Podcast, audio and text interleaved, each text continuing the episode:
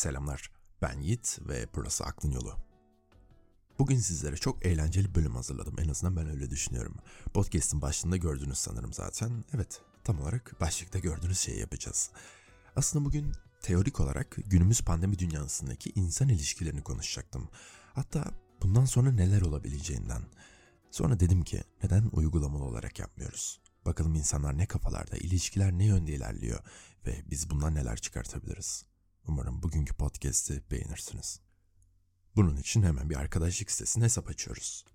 Ee, kullanacağım uygulama arkadaşlık sitesi deyince ilk aklınıza gelen yer değil. Belki bir sonrası. Ee, bilmiyorum biliyor musunuz? İsmini vermeyeceğim bu arada belki reklama girer falan filan. Doğrudan kendi ismimle bir hesap açıyorum çünkü harbiden belki de birini bulurum değil mi? İki tane güzel en yakışıklı fotoğrafımı koydum ve evet bir açıklama eklemem gerekiyor. Açıklama eklemek neden bu kadar zor? İnsan en çok tanıdığı ve en iyi bildiği şeyi anlatacağı zaman neden duraksar? Biri size kendini anlat dediğinde neden çoğunlukla cevapsız kalırız? Sen sor ben söyleyeyim deriz değil mi? Neden küçük bir biyografi yazmak bu kadar zor arkadaşlar? Çünkü daha önce yapmamışızdır da ondan. Anlatacaklarımızı yaşamakla meşgulüzdür değil mi? Ee, bazen düşünmeliyiz bence. Kendi içimizden kendimize kendimizi anlatmalıyız. Aynı zamanda biyografi yazmak şu açıdan da biraz zor. Bu aşamada daha önce sizi hiç görmemiş, sizi tanımayan bir insana sizi beğenmesi için dış görünüşünüzün yanında sunduğunuz bir içerik. Kendini anlatman lazım. Çok komplike bir şey olması da gerekmiyor açıkçası. Zaten sanırım bir kelime sınırı da var. Bu bölümde özellikle bu yazıları okuyacağız, yorumlayacağız. Çünkü her yazı aslında kendi başına bir sosyolojik analiz gibi. Ben kendi biyografime şunu yazdım. Bakalım ne düşüneceksiniz. Ben Yiğit ve her şeyin doğalından keyif alıyorum. Covid'den dolayı kimseyle tanışamıyorum. Benimle arkadaş olursanız sevinirim. Bu kadar. Altına bir de he slash his yazdım. Kadınlar da genelde she slash her yazıyor. Veya ikisi de değilse nasıl hissediyorsa kişi onu yazıyor. Bu bayağı düşünce dolu bir hareket bu arada. Siz de görüp ne olduğunu çözememiş olabilirsiniz. Kişi kendine nasıl hitap edilmesini tercih ediyorsa onu tanımlıyor aslında. Yani bir çeşit e, zamir. Ee, bence kendi bedeninde toplumun yakıştırdığından farklı hisseden dostlarımıza destek olmak için heteroseksüel bireylerin de sosyal medya hesaplarında tercih ettiği zamiri yazması gerekiyor. Yani ben bu he, his, she olaylarını bunun için kullanıyorum. Arkasında başka bir düşünce varsa özür dilerim bilmiyorum. Aydınlatırsanız da sevinirim. Neyse devam edelim. Ha, bir de altına biraz işte ne iş yaz, yaptım yazdım. Podcastçi dedim, ihracat mühendisi dedim ve benimle gerçekten konuşmak istiyorsanız sağ kaydırın gibisinden bir şey yazdım. Bu uygulama bayağı komik biliyor musunuz? Profil oluştururken her şeyi soruyor. Her şeyi soruyor. Dinini soruyor, cinsel yönelimini zaten soruyor.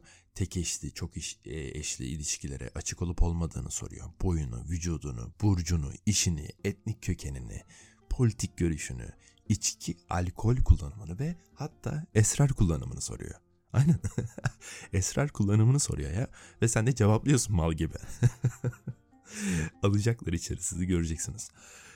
Nasıl izin vermişler bu soruya? Neyse. Kısacası klasik arkadaş canlısı bir profil oluşturdum. Ve şimdi kişileri tanımaya başlayalım.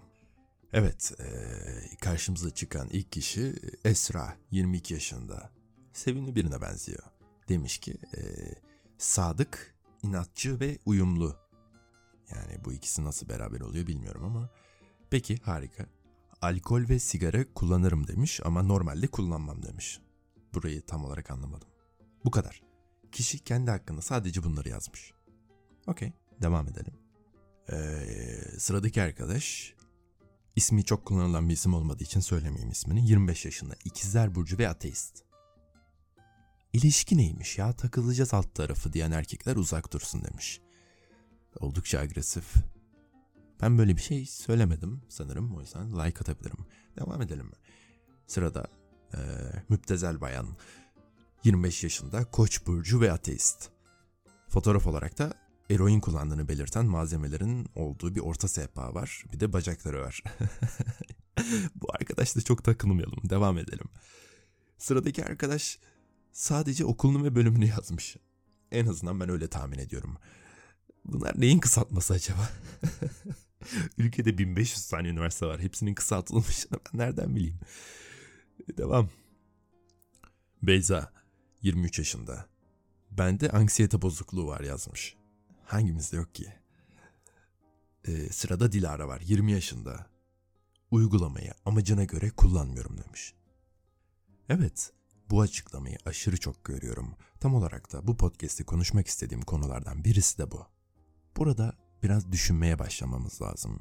Bir kişi neden bunu belirtme ihtiyacı duyar? Hem de kendisini diğer insanlara tanıtması gereken yerde. Mesela Avrupa'da var mıdır bunu belirtme isteği insanlarda? Birazdan Avrupa'ya da bakacağız bu arada. Mesela bir kişi Facebook'u e, seks yapacak birini bulmak için kullandıysa Facebook'un amacı artık seks midir? Etiketlerden korkuyoruz evet hepimiz korkuyoruz. Ben mesela en çok salak etiketinden korkuyorum. Dürüstçe bunu söyleyebilirim ama seks bu kadar tabu olmamalı mı artık? Zamanı geldi mi? Size soruyorum yani. Daha beklememiz gerekiyor mu? Bunu gerçekten soruyorum. Acaba ne zamana kadar tabu olarak kalacak bu? İnsanlara etiket koyduran, hayatlarını söndüren bazen bir şey olmaya devam edecek. Çünkü ben şuna eminim. Gelecekte ideal dünyada bu olmayacak. Seksin tabu olarak kaldığı bir gelecek düşünebiliyor musunuz? Dünyadaki herkes seks yapıyor değil mi? Ve milyarlarca insanın en çok sevdiği aktivite de bu. Gerçekten insanlar bunu saklamaya ne kadar daha devam etmeye çalışacak? 2100 yılına kadar mı? 2200'e kadar mı? 3000 yılına kadar mı? Harbiden soruyorum siz ne düşünüyorsunuz?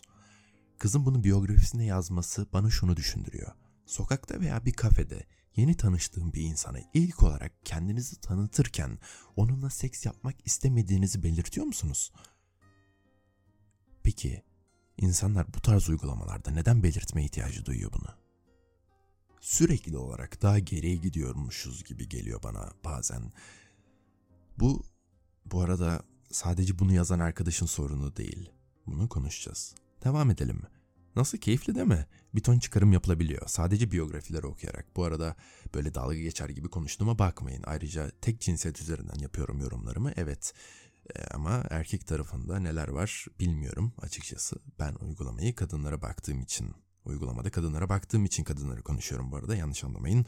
O yüzden e, oradan gördüklerimi anlatıyorum. Ha bu arada bu tarz uygulamalar önümüzdeki uzun yıllar boyunca bakın gerçekten uzun yıllar boyunca gerekli bir hale gelecek. Hatta belki olmazsa olmaz haline gelecek insanların. Çok daha değişik uygulamalar da çıkacak. İnsanın sosyal olmaya ihtiyacı var. Pandemi bunu engelliyor. Bunu anlatmama gerek yok zaten. Ama pandemiden sonra gelecek olan bir dönem olacak. Koronafobili dönem, maske takmayı bile bırakamayacağımız bir dönem olacak ve hiçbir şey asla gerçek anlamıyla eskisi gibi olmayacak. İnsanlar bunu soruyor ya eski e, ne zaman döneceğiz, eskiye ne zaman döneceğiz? Öyle bir şey olması da gerekmiyor zaten arkadaşlar. İnsanlık bu şekilde ilerliyor. Şu ana kadar biz 2021 yılında bu durumdaysak insanın adaptasyon özelliği sayesinde buradayız. Hiçbir şey eskisi gibi olmayacak. Bunu hep söyledim. Böyle bir dönemin geleceğinden hep size bahsettim değil mi? Göreceksiniz olacak. Devam edelim. Ayşe 22 yaşında. Tanısanız tatlı bir kızım yazmış. İşte bu ya. Şu ana kadar gerçekten en sevdiğim bu. Sıradaki isim Doesn't Matter. Harbiden tam olarak bu. Doesn't Matter koymuş ismine. Neden buradayım bilmiyorum ama neden olmasın demiş. Bir de bazen eser içtiğini belirtmiş. ya, salak mısınız? Muhtemelen diğer tüm insanların da burada olduğu nedendendir diye düşünüyorum yani. Sosyalleşmek için buradasındır. Bu arada güzel kızmış. Like attım. Oh, eşleştik. Nice. Ee, evet sırada Deniz var. Ee, bir tane daha açılımının ne olduğunu sadece 15 kişinin bildiği bir okul yazıyor biyografisinde. Alev 22 yaşında. Biraz sıkıldım konuşma pratiği yapmaya geldim demiş. Burada yazışıyoruz ama ilginç. evet bakın genel olarak bir çaba var değil mi fark ediyorsanız. Burada karşı cinsle tanışıp bir şeyler yaşamaya gelmemiş gibi davranıyor insanlar. evet şimdi bu podcast asıl göstermek istediğim şeye gelelim.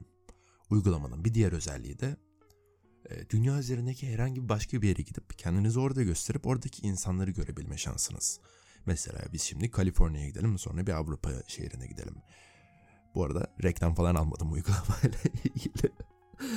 Böyle güzel bir uygulama ama yani benim hoşuma gidiyor. Bakalım insanlar diğer ülkelerde biyografilerine neler yazmışlar.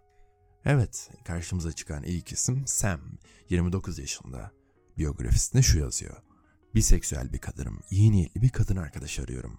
Beyler kusura bakmayın şu aralar sadece kızlar ile ilgileniyorum demiş. Mesaj, mesaj atarsanız çok sevinirim diye ilave etmiş. Çok güzel değil mi sizce? Devam edelim. Samantha e, veya Samantha mı nasıl okunuyor? 26 yaşında. Annenizin hep hakkında uyardığı kızım demiş. Okay. Role playing game, Dungeons and Dragons. Yani sevdiği oyunları yazmış. İntelektüel muhabbetleri çok severim demiş. İçe dönüyüm demiş. Çok iyi yemek yaparım. Muhtemelen annenizden daha iyi yemek yaparım demiş. Gülmüş. Annemi çok fazla karıştırmış ama olsun. Hogwarts'ta okusaydım Ravenclaw e, tarafında olurum demiş. Muhteşem ya. Bakın hiçbir insecurity yok. Yani seks yapmadığını kanıtlamaya çalışmak yok. Kendini ne güzel anlatmış değil mi? Katılmıyor musunuz siz de? Sırada e, Stephanie var. Stephanie var. Bu kadın da bayağı güzelmiş bu arada. Selamlar demiş. E, hayalimdeki randevu 25 Nisan demiş. Ne sıcak ne soğuk demiş. Yemek yapmayı sever misin diye sormuş bana. Çünkü ben nefret ederim demiş ama güzel pasta yaparım demiş. Arkadaşlarımla dışarı çıkmayı severim, bir şeyler içmeyi severim, seyahat etmeyi severim. Aynı zamanda evde oturmayı da severim demiş. Devam edelim. Ee, Yuhan, Floridalıymış, 31 yaşındaymış. Görünüşüm biraz ciddi olabilir ama gerçekten çok tatlı ve alçak gönüllüyüm. Ee, hayatta küçük şeylerden zevk almayı bilirim diyor. Ee, başlarda yabancılarla konuşurken biraz e, ne denir buna geriliyorum ama e, zamanla alışıyorum demiş. Ne kadar tatlı ya canım benim sana like attım. Evet nereye varmaya çalıştığımı e, anlamaya başladınız sanırım. Tekrar Türkiye'ye dönelim. Altın vuruşu yapıyorum. Bunu hazırlamıştım. Bu, bu kızı ayırmıştım. Aylin 20 yaşında. Kocaman harflerle ve Tanrı kadını yarattı yazmış. ya ne oluyoruz ama savaşa mı gidiyoruz? evet dostlar bu bölümde beni yanlış anlamanızı tekrardan istemiyorum. Kimseyi ifşa etmek, ezmek veya da dalga geçmek değil amacım. Sadece bu uygulamayı kullanırken çok gözüme takılan bazı üsluplardan neler çıkartabiliriz onu merak ediyordum. Kendini güzelce anlatabilen insanlar yok da demiyorum bu arada. Birkaç kişiyle muhabbet ettik. Çok da keyifliydi. Podcast'i sordular, dinlediler hatta yorum bile yaptılar. Gerçi bir tanesi yaptı. Evet, şimdi neden aklın yoluna böyle bir bölüm eklediğimden bahsedelim. Ülkemizde yaşayan insanlar, gençler özellikle neden iletişimin en basic kuralı olan kendini anlatma konusunda sıkıntı çekiyor olabilirler? Neden insanların farklı şeyler düşünmesinden bu kadar çok korkuyorlar? Etiketlerden neden korkuyoruz? Veya böyle bir uygulamada tanıdığı biriyle karşılaşmaktan insanlar bu kadar neden bu kadar çok korkuyor veya e, basitçe insanlar kendi fotoğrafını koymaktan, kendi ismini koymaktan korkuyorlar. Bu neden acaba? Bakın dün bir hanımefendiyle konuştuk programda. Çok tatlı birine benziyordu. Profil fotoğrafında Bihter Ziyagil vardı ve ismini de sonradan söylediği üzere yanlış koymuştu. Yani kız fotoğrafı geç ismini değiştirmiş ya. Bu arada soyad eklenmiyor zaten. Hiçbir şekilde bu sitelere soyad eklenmiyor. Çok şaşırdım yani bari ismin aynı dursaydı da yani çünkü binlerce o isimden var sonuçta. Öyle değil mi? Dün biraz konuşma fırsatım oldu hanımefendiyle dediğim gibi bu konuyu da dile, dile getirdim. Aynen şu şekilde sordum. Ee, tam olarak yazdığım şeyi okuyorum ama bir saniye bu arada e, tabii bir, bir süre muhabbet ettik bunu sormadan önce. Eğer özel bir durum değilse neden bu hesabı anonim açtın, paylaşmak ister misin diye sordum. Tabi bunun birçok sebebi de olabilir bunun da farkındayım. Erkek arkadaşını aldatmak istediği istiyor bile olabilir yani en basitinden söylüyorum. Bu programı herkesin kötülediğinden bahsetmiş. Yani e, çünkü insanlar direkt olarak bu tarz programları kullanan insanlara tek gecelik ilişki arıyor gözüyle bakıyorlarmış. Google aramalarında fotoğrafım ve ismim bu programla beraber gözükmesini istedim demiş. Ee, devam ediyorum bakın burası çok önemli. İleride biri beni işe almak isterse mesela hakkımda bir araştırma yapsa bu hesabı bulsun istemedim demiş. Evet. Programın bu kadar açık bir şekilde bilgilerimizi Google'da falan paylaştığını düşünmüyorum ama orası önemli değil. Bu kızın hissettikleri şeyler çok önemli. Bir yerlere varmaya başladık değil mi? Bu kızın fotoğrafını ve kendi ismini kullanmaması kendi suçu mu? Yoksa hepimizin bir kere yakınlarımızdan duyduğumuz o araştırma yaptıktan sonra işe almayan patronların suçu mu? Aslında eğer genç bir insanın karşısında kariyerine başlarken birden fazla seçeneği olsaydı korkusundan dolayı suç kızın diyebilirdim. Gerçi muhtemelen yine tüm suçu kıza atmazdım ama gerçekten kız haklıysa ya tek şansı olan bir işe girmesinde yani tek şansı varsa gerçekten bu büyük bir ihtimal. Benimle birlikte üniversiteden mezun olan arkadaşlarımın çoğu hala iş bulamadı. İş bulamıyor yanlış bir tabir bu arada. İş yok. Olmayan bir şeyi bulamazsın. Ee, bulman için de acayip şanslı olman gerekir. Neyse devam edelim. Bu kadar sığ bir bakış açısıyla sosyolojik analiz yapılabilir mi bilmiyorum açıkçası ama Avrupa'da ve Amerika'da insanlar neden kendilerini bizim insanlarımızdan daha kolay anlatıyorlar, daha iyi anlatıyorlar, daha zeki oldukları için mi? Ee, sanmıyorum. Kitap okuma alışkanlığı mı? Belki. Ee, ama başka bir şey olmalı. Kendini iştenlikle anlatmak zayıflık olarak mı görünüyor acaba? Yoksa basitlik olarak mı gözüküyor? Kibarlık da sonuçta ülkemizde genellikle zayıf olarak gözüküyor değil mi insanlara? Belki bunun gibi bir şeydir. Ee, bu şunun yüzünden, bu şunun başkasının yüzünden diyemeyeceğim. Çünkü burada basitçe birini suçlamak için bulunmuyorum. Ee, kadınlara soruyorsun Türk er-, erkekleri çok egolu diyor. Erkeklere soruyorsun Türk kızları çok egolu diyor. Ben de ego dediğimiz şey sadece bir fikir diyorum.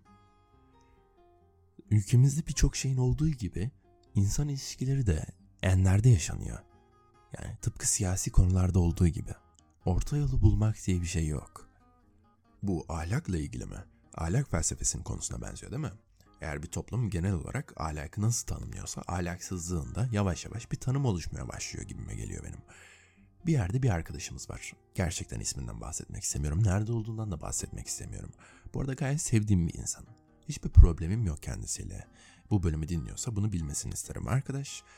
O bir yerde ahlaksız şeylerin konuşulmasından oldukça rahatsız ve bunu sıkça bana dile getiriyor. Kendine göre ahlaksız olanın konuşulmasından bu arada ki anlayabilirim bunu. Çünkü bu, tak, bu tarz ortak yerlerde ilişkilerin konuşulması üstü kapalı olsa bile diğerlerini rahatsız edebilir. Fakat aynı arkadaş şaka yoluyla olsa da bile bana sen misin diyebiliyor. Bakın bu kelime var ya bu kelime İngilizce'de F-word olarak geçer.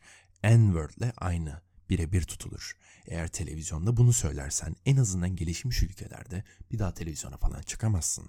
Twitter, e, pardon Twitch gibi canlı yayın yapılan bir platformda bu kelimeyi söylersen hatta bu kelimenin geçtiği bir videoyu izlersen hesabın banlanır ve tüm para akışın kesilir.